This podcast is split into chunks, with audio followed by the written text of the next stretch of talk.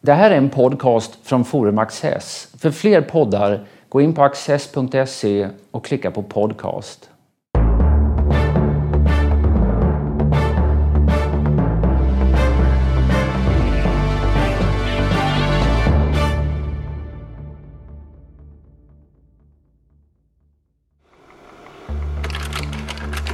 Jorge Luis Borges är en författarnas författare, kanske i högre grad än någon annan under 1900-talet, läst och efterbildad. Högst når han i korta prosaberättelser, noveller med inslag av på uppdiktade fakta baserad essayistik. Dessa fantastiska berättelser finns samlade i volymer med skiftande titlar och innehåll. På svenska till exempel i Biblioteket i Babel, Labyrinter och Alefen. Anders Mårtensson, docent i litteraturvetenskap vid Lunds universitet, samtalar med Peter Luttersson. Vilken berättelse av Borges håller du högst? Ja, det är, låt oss säga att det är den allra första av de här berättelserna som har... Som är fantastiska? Han, ja, de där han förändrar hela litteraturens utveckling. Eh, det är den, jag har den i översättning av Johan Lacerna. Eh, den, är, den heter Pierre Menard, författare till Don Quijote. Och till sitt yttre är den eh, en insändare till en obskyr litterär tidskrift. Dess författare är en eh, grälsjuk person. Eh, det är väldigt svårt att, att få grepp om den första gången man läser den. Den här berättelsen har Borges då efter, efter en tids sjukdom, när han var nära att dö i mitten av 30-talet, beslöt han sig för att, för att försöka skriva en, ett annat slags berättelse än vad han någonsin hade känt till. Eh, och på prov gjorde han den här som sedan födde alla andra dessa fiktioner. Eh, dessa berättelser som är varken är noveller eller essäer utan som ligger någonstans här mittemellan sakprosan och Vad vi kan säga att, att den stora poäng sådär, det är ju att eh, eh, Pierre Minard ska ha skrivit ett litterärt verk kring år 1900 som ordagrant är identiskt med, med Cervantes Don Quijote. Exakt samma ord. Men han har, han har inte kopierat eller plagierat utan Nej. det bara råkade bli så. Och sen så eh, handlar den om hur oändligt mycket rikare det här verket är kring år 1900. För att det är ju inte en naturlig spanska år 1900 utan en ganska anakronistisk gammaldags spanska och så. Det får oss att förstå att texter lever i tiden och i nuet och i relation till sin omgivning. Ja, och som han skriver här, eh, Pierre Menard, dessa, det är två hela kapitel som har orsakat honom denna fantastiska möda. Detta närmaste under. Komma för komma, varenda tecken är exakt detsamma. Där Pierre Menards eh, arkaiserande stil då eh, är oändligt mycket mer komplicerad och oändligt mycket mer eh, betydelsefull en, en, en, en Don Quijote skriven av, av Cervantes. Och så, skriver, så står det här mot slutet också att eh, Pierre Menard gav sig in på ett mycket svårt och på förhand meningslöst företag. Eh, Borges har ju sagt detta vid ett annat tillfälle att eh, det är bara de utsiktslösa uppgifterna som intresserar en gentleman och naturligtvis också en humanist. Och eh, det är ett av skälen till att jag älskar den här berättelsen. Eh, han så har, som jag gör. Han har sagt det på ett par ställen. Det finns i någon av hans berättelser men han använder det också som egna uttalande i intervjuer. Jag har brukat översätta det med att en gentleman intresserar sig bara för förlorade företag. Men eh, om man tittar på Borges, han föddes i eh, Argentina 1899. 99. Och han eh, fick en sen skolstart. Han undervisades i hemmet av sin far. Och eh, i hemmet talade man två språk. Engelska och spanska. Och han, eh, han eh, blev tidigt flytande på båda. Han debuterade egentligen med en översättning av Oscar Wilde vid tio års ålder i en argentinsk eh, dagstidning. Men sina första framgångar som författare hade han inte på prosa utan eh, inom poesin. Han var en stor, en stor poet. Det är inte där han har sin världshistoriska betydelse. Men eh, det spelar naturligtvis en oändlig roll för honom att han som redan i sin uppväxt i den, eh, den mycket breda kulturella bakgrund i, i Buenos Aires eh, där han bodde större delen av sitt liv, att familjen eh, alldeles inför första världskriget flyttade till Genève och sedan blev kvar där, bodde i fem år. När han kom tillbaka till Buenos Aires så eh, hade han alla dessa insikter och sin, sin strålande begåvning för att eh, skapa en, en, en grupp av eh, eh motsvarande avantgardism som, som pågick i Europa. För annars, den kanon han själv eh, ansluter sig till och som man alltid pratar om senare, det är knappast en modernistisk eller avantgardistisk kanon. Eh, nej, han älskar ju ett antal mycket udda modernister. Han älskar ju Kafka naturligtvis. Han älskar Virginia Woolf, han älskar eh, James Joyce. Men eh, i hans, hans stora breda intresse, det, kan, det är vildvuxet. Han lärde sig tala isländska till exempel. Och eh, var framstående som eh, germanist. Eh, han har skrivit fantastiska saker om eh, eh de eh, ska vi säga, de intellektuella mystikerna i historien från olika tider. Eh, han har skrivit fantastiska saker om Shakespeare. Eh, hans intressen eh, det går också in i det, i det svenska, dock då aldrig det just litterära särskilt, men i vi svensk sitter, historia. Vi sitter nu i Nordstjärnan-huset vid Stureplan i Stockholm och runt omkring oss här så finns det lite fartygsmodeller som eh, minner om eh, företagshistoria här. Och i en av Borsos noveller så nämns MS Nordstjärnan som var ett av Jonsson-rederiets fartyg som gick på Sydamerika. Ja.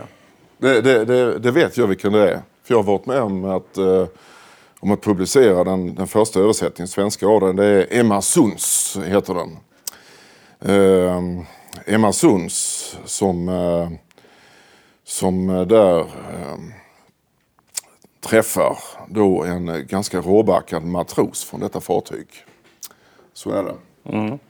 Um... Annars var jag inne på kanon där. Jag, vad jag tänker på när jag tänker på kanon med Borges det är att hans farmor hade stor betydelse. Hon var från England. Mm. Det finns en sån där succession där människoöden griper in i varandra. Hon hade som barn lyssnat på Charles Dickens när han läste upp eh, sina berättelser. Och Borges eh, lyssnade på sin farmor när hon läste. Det skapar en förbindelse. Och sen är det ju mycket de stora engelskspråkiga författarskapen. Jag skulle säga att de tre författarskap han refererar oftast till är Stevenson, Kipling och Chesterton. Ja, eh, och Shakespeare. Eh, definitivt. Det, det gläder naturligtvis dig eftersom det är åtminstone två av dem tillhör dina absoluta favoriter. I mitt fall Stevenson som är en av mina absoluta favoritförfattare också. Borges har ju också medverkat till att i vår tid av eh, eh skriande okunskap om Stevenson eh, förklara hans briljans. Det är exempel han som har sagt detta att varje mening hos Stevenson är enormt intressant. Den är alltså skapad med en, en, en eh, litterär instinkt som eh, bara väl han själv förfogar över. Och det är ju alldeles riktigt. Stevenson har annars eh, kommit att bli en eh, ganska enkel författare, i alla fall i vårt land, av eh, böcker för barn och unga. Vilket vi vet att eh, ju inte alls räcker för att täcka hans, eh, hans eh, mästerskap. Hans genialitet och hans eh, oerhört starka och generösa personlighet. Så. Ja, vi, vi, måste återvända till just detta med det generösa. För vi, vi nämnde det eh, här i... Eh, alltså, denna sak med att, eh, med att eh, humanisten och, och gentlemannen älskar det, det utsiktslösa. Eh, det som är omöjligt det, det sammanfattar också på något sätt hans, hans, egen, eh, hans egen roll av att, eh, att lära oss eh, se. Eh, det vi inte har framför ögonen, det vi eh, eh, ser bort ifrån. Eh, och nästan alla hans bästa berättelser, Borges, Eh, de, handlar är små parabler eller allegorier eller små exempelberättelser om, om litteraturens förmåga att lära oss att se. Om litteraturens enorma krafter. Här. Och det, han favoriserar alltid de som de mycket stora tänkarna som har kommit lite i skymundan eh, men som har gjort oändligt mycket mer för att göra mänskligheten eh, intelligent. Om man tar exempel på det där. Eh, om jag skulle ta ett eget så skulle jag till exempel kunna nämna den berättelse som heter Deutsches Requiem. Eh, som är lagd i munnen på en eh, person som har arbetat, en tysk som har arbetat på ett koncentrationsläger och som står inför sin avrättning. Och, han, han är glad och nöjd med utfallet av allting för han menar att den ideologi han stod för, nazismen, den blev ändå segerrik genom att våldet segrade.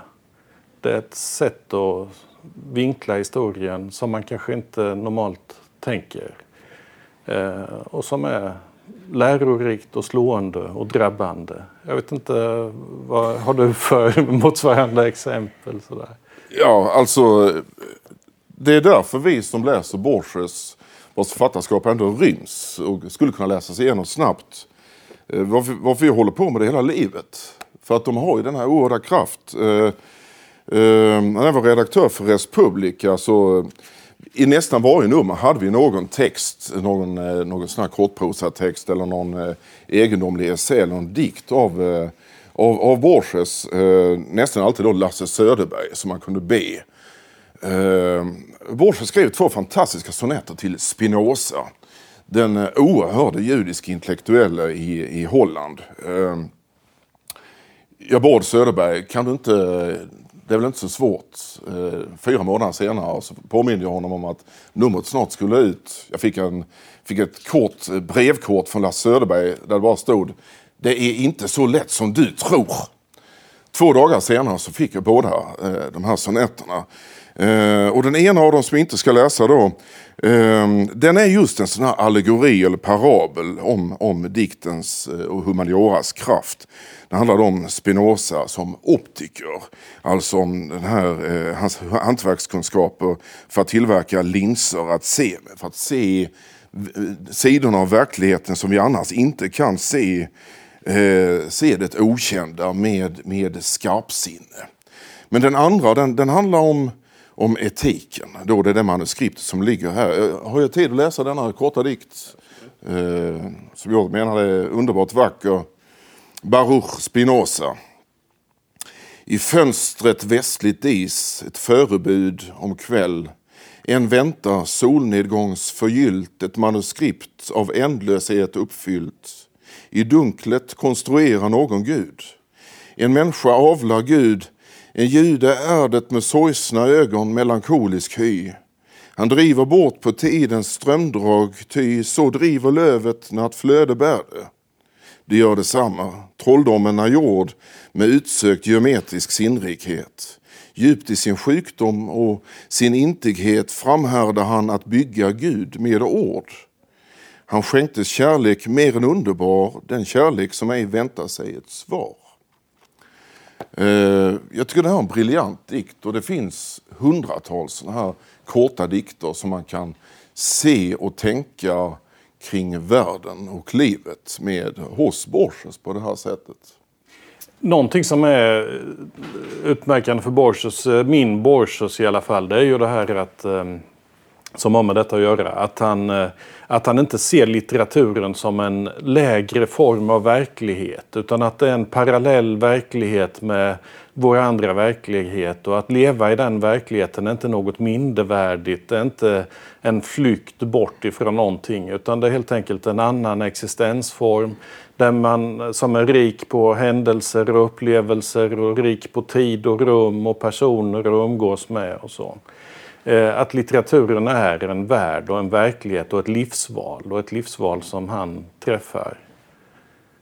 Låt oss, låt oss hänvisa då till en annan stor gemensam favorit, Robert Musil, som i Mannen utan egenskaper gav oss denna, denna tudelning mellan de två sinnena som krävs. Verklighetssinnet naturligtvis och möjlighetssinnet som, som eh, läsning av litteratur och eh, en humanistisk eh, eh liv då ser till att, att gynna, att stärka, att läsningen får oss att eh, göra oss mer dispo, disponerade att, att se andra möjligheter än, än de som råkar vara eh, för handen just nu. Att också se sådant som världen inte är. Och i Borges fall, till och med de, de lär han oss att se världen sådan den inte skulle kunna vara i de de paradoxala världar han, han, han, han ger oss. Med detta, alla människor som läser Borges, eh, de är friare och lyckligare. För att de, eh, de har lärt sig att se öppningarna i skapelsen. Eh, väldigt tydligt så. Och vägen in genom den är genom denna litteraturens mångfald av möjliga världar. Som också lär oss att förstå vår egen värld oändligt mycket rikare.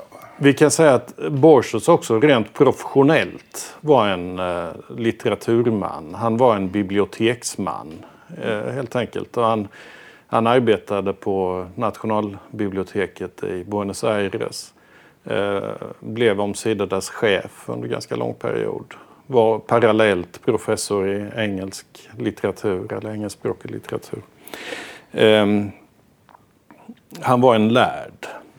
Mm samtidigt, eh, det här, eh, om man då kommer in på hans yrkesverksamhet så glider man också ofelbart in på politik. Borsos är ju en, ja, en, ja, en ja. fanatisk antiperonist får man väl säga. Och förföljs ju av detta skäl. Av, av peronisterna av, och av, av dess agenter som, som eh, håller reda på honom. Alltså på ett sätt som liknar eh, alla de berättelser vi har från, eh, från DDR till exempel med agenter som håller reda på och förföljer personer till, till, till kaféer och vad de hanterar vardagen och så vidare. Han får sparken när, när Peron kommer till makten första gången. Och när Peron faller det, när kommer han till makten första gången? Det är mitten av 40-talet någon gång. Och han faller första gången eh, mitten på 50-talet. Det är då han sen blir chef för eh, Nationalbiblioteket. I slutet på 40-talet är han arresterad vid något tillfälle därför att han har deltagit i, eh, i demonstrationer. Och han, eh, han ser Perón som en argentinsk version av Hitler eller Stalin. Det är totalitär Precis. fascistisk Precis. Eh, politik eh, i Argentina. Sen är han eh, chef för det där biblioteket till Perón kommer tillbaka till makten 1973.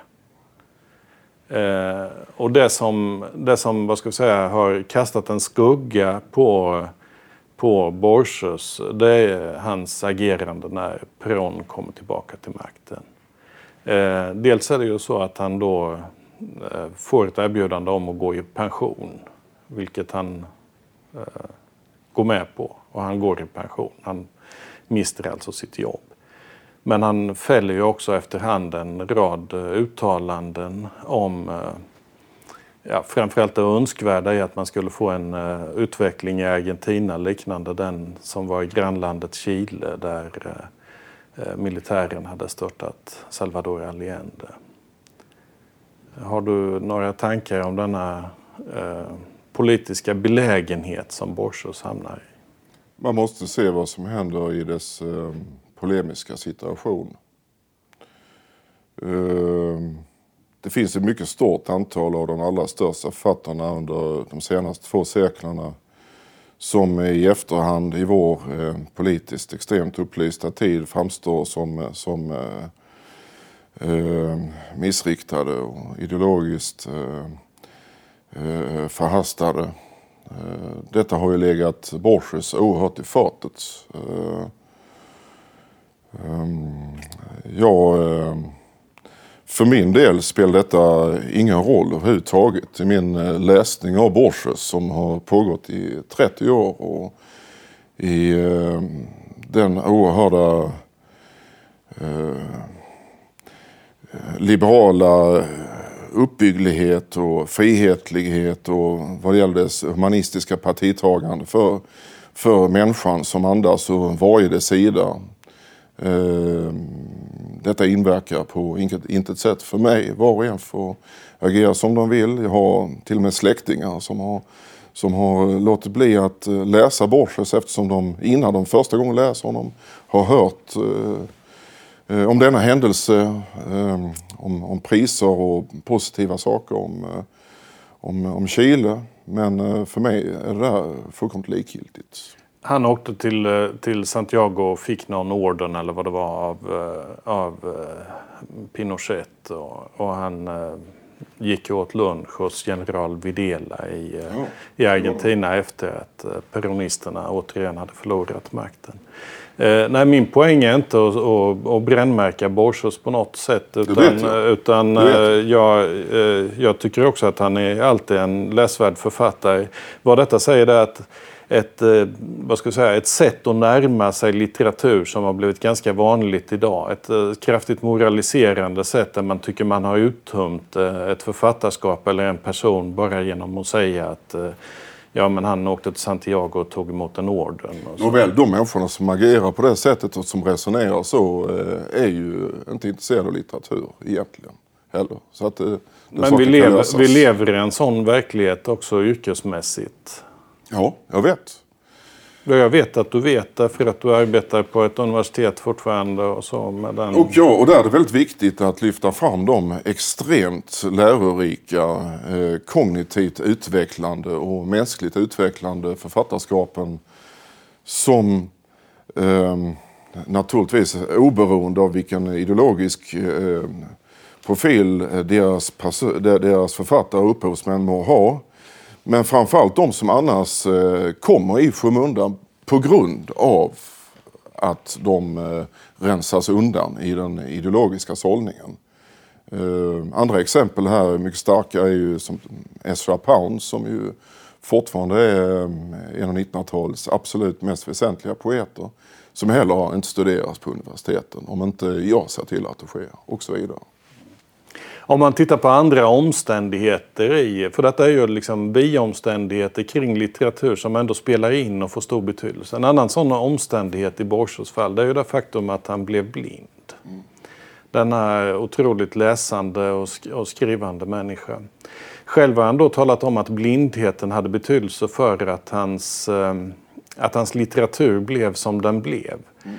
Därför att en seende kan ju skriva oändligt långa texter och sen läsa vad man har skrivit och gå igenom dem. Men han var tvungen att hålla allting i huvudet och därför blev hans, hans eh, berättelser korta, förtätade och likadant den poesi han skriver efter att han har blivit eh, blind.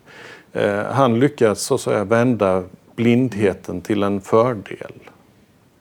Ja, nu i dessa dagar då då eh, Alice Munro välförtjänt får priset och vi, vi hör att hon, eh, att hon skulle vara den första eh, eh utpräglad novellist som, som får det. Det är, inte, det är inte sant för Bonin var ju också en precis utvecklad lika särpräglad eh, novellist i början av 1930-talet.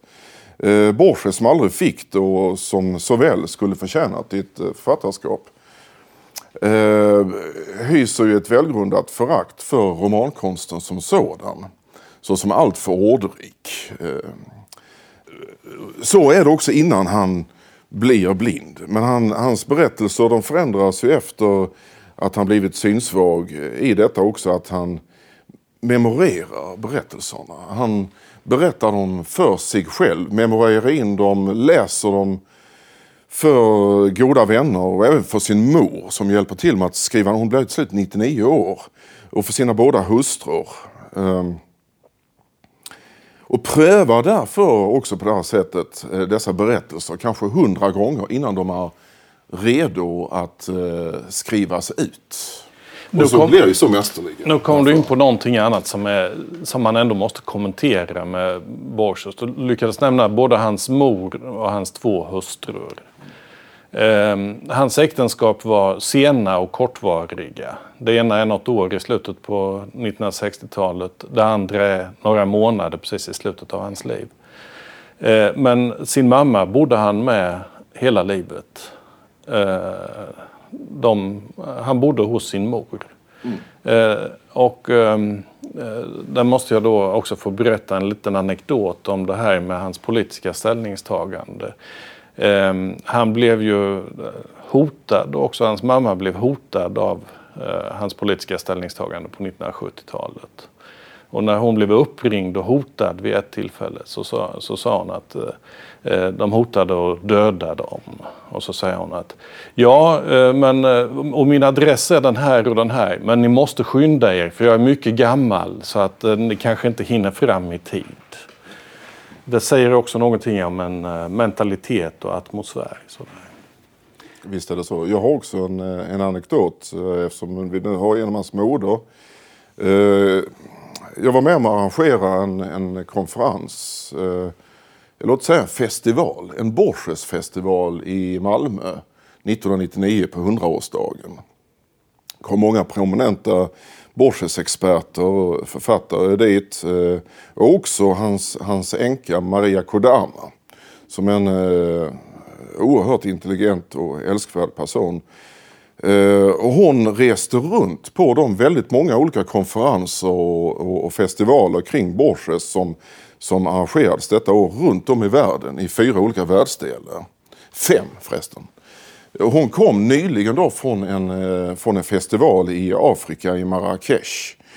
Där eh, några dagar in, för det var mycket lång, eh, Borges eh, konferens detta, där eh, den arabisk litteraturprofessorn tog med henne till eh, torget Djemma el Fna. Där eh, historieberättarna, sagoberättarna, då eh, har sin plats. Jag har varit där, det är mycket fascinerande. Man förstår ingenting, men man förstår ändå genom att följa minspelen och intensiteten i detta berättande. Nåväl, han tog henne dit och det är speciellt en som jag vill att du ska lyssna på. Han, han berättade en historia inför en ganska stor publik som, som hisnade och häpnade och man hörde suset som gick igenom när han drog sina poänger på vägen fram. Men hon, hon förvånades över att eh, det var ett arabiskt ord som lät precis som hennes makes namn. Det återkom hela tiden. Borges, Borges hördes. Och efteråt sa hon, det var ju fantastiskt, men du måste berätta vad betyder det här ordet som låter som Borges? Men, men Maria, sa den, den arabiske litteraturprofessorn, det var Borges. Alltså, vi har ju utmärkta eh, översättningar av eh, din makes eh, övre till arabiska. Och flera av de arabiska, av de sagoberättarna här på torget har honom som sin särskilda favorit.